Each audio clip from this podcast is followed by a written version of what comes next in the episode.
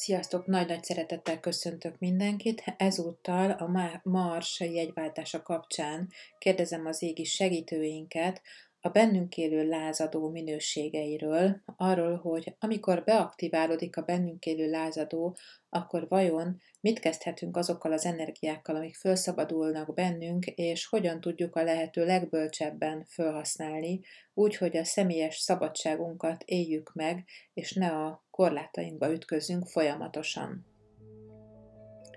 Tudni kell, hogy ami miatt korlátokba ütközhetünk, és amit már fölismerhetünk magunkba, azok a besült és azok a föl nem használt energiák, érzelmi energiák,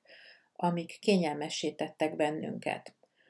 Azok az önmagunk ellen fordult problémák, és azok az önmagunk ellen fordult elgondolások, ahol magunkon ítéleteket alkottunk, a saját kényelmes megoldásaink kapcsán, azok fognak most ellenünk fordulni, és okoznak különböző váratlan és olyan életszituációkat, amiben nehézségeink lehetnek. Ahhoz, hogy kioldódjon mindez bennünk, és láthassuk azokat a lehetőségeket, ahol a kreativitásunkat és ezt a bennünk élő lázadót, ezt úgy élhetjük meg, mint aki a társát keresi valamihez, akár egy párkapcsolathoz, akár egy tervhez, akár a kapcsolódást keressük abban, hogy össze tudjunk kapcsolódni a szolgáltatásaink, az emberi formációink kapcsán egymással, ahhoz tudnunk kell kioldani azokat a tudat alatt lévő szerepszemélyiségeket, amelyek kényelmessé tesznek bennünket az életben. Ezzel fontos megküzdeni, és az ahhoz, hogy ezzel ne kelljen megküzdeni, teremtünk olyan életszituációkat, amelyben elzárjuk magunkat a lehetőségeinktől. És mindaddig, amíg az elzárással viaskodunk, mindaddig, ameddig a korlátainkat nézzük, és adunk figyelemenergiát, és felelősöket keresünk a korlátaink létezéséért, lemondunk a teremtő erőnknek arról a részéről, amelyik beszorult a kényelmi zóna alá. Tehát nagyon fontos, hogy a bennünk élő lázadó energiáját a kényelmi zónáink felszámolására fordítsuk, és azokat próbáljuk meg előre mozdítani. Hogyha ezt megtesszük, akkor nagyon erőteljesen fölkavarodik az a rendszer, ami a mély tudatunkban van, és ez a fölkavarodottság, ez újabb és újabb képeket, képzeteket hozhat elő, hogyha nem dolgozunk vele, akkor pedig a külvilágban lévő fölkavarodásba fogunk bekerülni, mint egy ilyen centrifugális örvénybe, és sodródunk majd benne, egészen addig még úgy nem döntünk, hogy megállítjuk ezt a folyamatot. Mindenféleképpen úgy találjuk meg ezeket a dolgokat, hogyha azokkal a hozzánk közel álló, elhalogatott ügyekkel kezdünk foglalkozni, amelyekre van bennünk megoldás, amelyeknek kézzelfogható vége van, és el tudjuk kezdeni felszámolni azokat. Mindenkinek az életében léteznek olyan elhalogatott ügyek, amelyeket meg tud fogni, és el tudja kezdeni kibogozni. Minden elzárt helyzet azt mozdítja előre, hogy ezeket az elhalogatott dolgokat kezdjük a fókuszba venni, és kezdjünk azokkal foglalkozni. Nagyon sokan úgy gondolják, hogy ez az egész helyzet, amikor ez a belső lázadónk kiszabadulhat, és ez a belső lázadónk ez elkezd rombolni, eltépi a láncait, akkor gyakorlatilag át kellene élni a gyógyulást, és át kellene élni azt, hogy per pillanat meg tudok nyugodni. Minden egyes dükkitörés, minden egyes harag az adott pillanatban hoz egyfajta megnyugvást az életünkbe, hiszen kieresztettük a gőzt, és megnyugodtunk, és az a düh, ami bennünk volt, az már nem belül van, hanem kívülre kerül. Látszólag hoz egy megnyugvást, viszont a szerepét nem tölti be maga ez a düh, maga ez a folyamat, mert ez a szerep arra kellene, hogy használódjon, hogy lebontsuk a bennünk lévő problémákat, és mikor kiárasztjuk a dühöt, kiürítjük magunkból a dühöt, akkor mindaz, ami alatta volt, az a probléma nem kerül megoldásra. Van az a szint, ami fölött már nem lehet azt mondani, hogy jó, hogy ez így történt. Van az a szint, ami fölött már nem éri meg a dühöt és a haragot választani, mert abban a lebontási folyamatban rekedünk, ami gyakorlatilag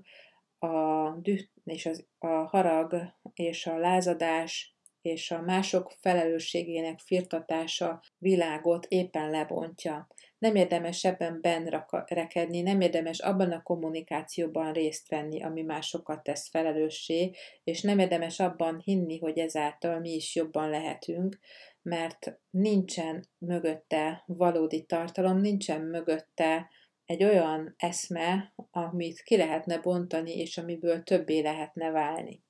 A valódi eszmeiség és a valódi megoldás az a hétköznapi életünknek a transformációjában történik meg. A hétköznapi életünkben fölösleges dolgok lebontásából és a hétköznapi életünkben szereplő értékes dolgoknak a fölfedezésében továbbra is ez áll előttünk feladatként, és továbbra is ott van a lehetőség, hogy felfedezzük mindazokat a dolgokat, amikhez nem voltunk hajlandóak esetlegesen hozzányúlni, hozzáférni. Hogyha valaki ezen az úton indul el, akkor olyan e, hétköznapi tapasztalatai lesznek, ami rendkívüli módon kiszínesíti a világát, rendkívüli kalandokat és rendkívül izgalmas lehetőségeket rejtez, és egyfajta ártatlan szemléletet a világnak. Nagyon fontos ezt mindenkinek megtapasztalni, a saját ártatlanságát és a saját jogát arra, hogy ráébredhessen a világának a sokszínűségére, a világá, világának az ártatlanságára, és amikor a bennünk lévő energiáknak a fókuszálását megtanuljuk abba az irányba fordítani, amerre valójában haladni szeretnénk, akkor a figyelmünk egy teljesen új lehetőséget is képessé válik fölfedezni. Nagyon fontos még tudni azt is, hogy mindazok a változások, amik a felszínre hozzák, akár a halogatásainkat, akár az elmének azt a működését, amikor a kényelmi zónánkban tart az ego bennünket, akkor mindig fontos az előző életek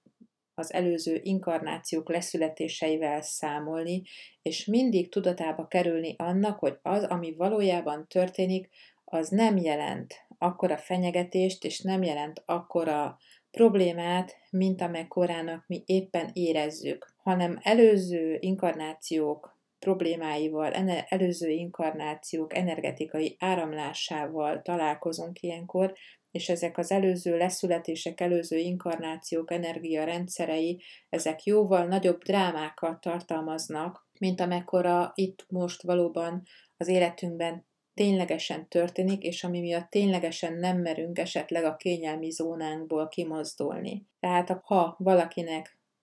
a halogatást föl kellene számolni, ha valakinek számolnia kellene tudnia a változásokkal, akkor nagyon fontos, hogy egy-egy megrekedt élethelyzetet azt szerint kezdjen el szemlélni, hogy próbálja meg felfedezni, hogy a reálisan megtapasztalt valóság az mennyire van harmóniában, vagy mennyire van összhangban mindazokkal az érzelmekkel, amit kivált belőlünk. A Földön élő emberek már sok-sok járványhelyzeten keresztül mentek,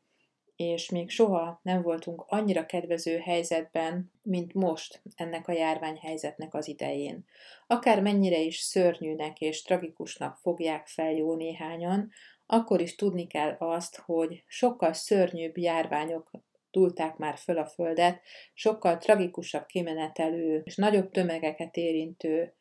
járványok dúltak már itt a földön, és annak is vége lett és arról is múlt időben beszélünk, és már az sem érint meg bennünket. De a karmikus lenyomatok, azok felszínre tudnak bennünk kerülni, ott vannak a történetünkben, ott van a genetikánkban, ott van az anyagszerűségünkben, mindaz a karmikus lenyomat, amit az összes valaha volt járvány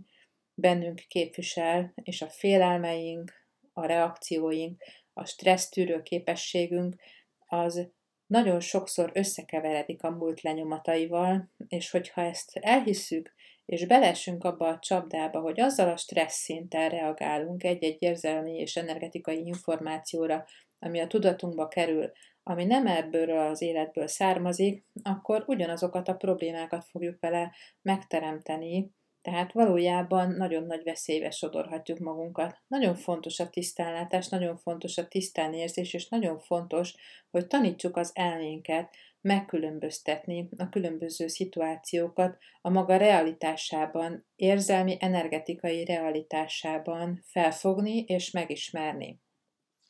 Hogyha ezt gyakorlóként szeretnéd megtenni, hogyha ezt gyakorlóként szeretnénk megtenni, akkor a leges legjobb módszer az mindig a meditáció és a meditációban elindított vízióknak a feldolgozása, mert az elme ezzel tanul a legtöbbet, és ezzel tanulja meg azt, hogy a bennünk élő szerepszemélyiségek azok képesek